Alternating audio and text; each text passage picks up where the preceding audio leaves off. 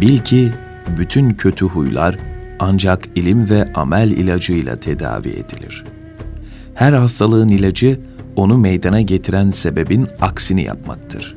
Dili gıybetten korumanın genel çareleri Allah'ın gazabından korkmak, kendi nefsinin ayıbını görmek, kendi gıybetinin yapılmasını istemediği gibi başkasının da gıybetini yapmamaktır. Kişi gıybet etmekle Allah'ın gazabına uğrayacağını, gıybetin kazandığı sevapları kıyamet günü yok edeceğini bilmelidir. Çünkü o gün kişinin dünyada gıybet ettiği kimsenin şahsiyetine verdiği zarara karşılık sevapları ona verilir. Sevapları bulunmazsa gıybet ettiği kimsenin günahlarından ona yüklenir. Bu haliyle Allah'ın gazabına uğrar. Gıybet etmek Allah katında ölü eti yemeye benzetilmiştir. Böylelikle günah kefesi sevap kefesinden daha ağır bastığı için kul cehenneme girer. Öyle olur ki gıybeti yapılanın bir günahının yükselmesiyle gıybet yapanın günah kefesi ağır basar ve cehennemlik olur. Bu durumda başına gelecek en hafif ceza, muhakeme, sual, cevap ve muhasebe yapıldıktan sonra sevaplarının azaltılmasıdır. Bu konuda Allah Resulü sallallahu aleyhi ve sellem şöyle buyurmuştur. Gıybetin kulun sevaplarını bitirmesi, ateşin kuru odunu bitirmesinden daha çabuktur. Şöyle anlatılır. Adamın biri Hasan-ı Basri'ye, işittiğime göre benim gıybetimi yapıyormuşsun der.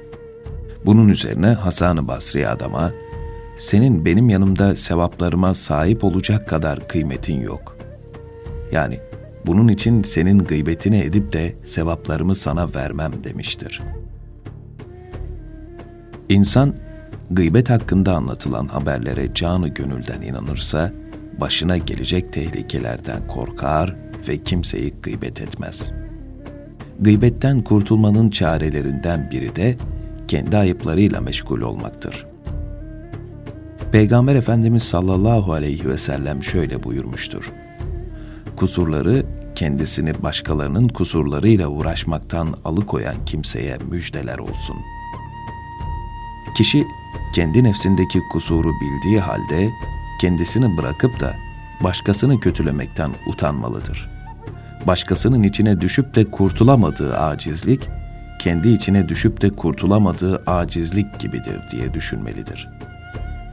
Başkasının gıyabında yapılan ayıplama, onun fiilleri ve iradesiyle yaptıkları hakkındaysa anlatıldığı gibi mahsurları vardır. Şayet yaratılışıyla ilgili konudaysa o zaman bedeni ayıplamak onu yaratanı ayıplamak olur. Çünkü bir sanat eserini kötüleyen onu yapan sanatkarı da kötülemiş olur. Adamın biri hikmet ehlinden birine ''Ey yüzü çirkin adam'' dedi. Bilge kişi de ona yüzümü yaratmak benim elimde değil ki onu güzelleştireyim karşılığını verdi. Kişi kendi nefsinde bir ayıp görmezse Allah'a şükretsin ve gıybet gibi şeylere bulaşarak kendini ayıpların en büyüğüyle kirletmesin. Zira insanları kınamak ve gıybet ederek ölü eti yemek ayıpların en büyüğüdür. Aslında insafla bakılsa onun kendinde ayıp olmadığını zannetmesi, nefsini tanımadığını gösterir. Bu dahi en büyük ayıplardandır.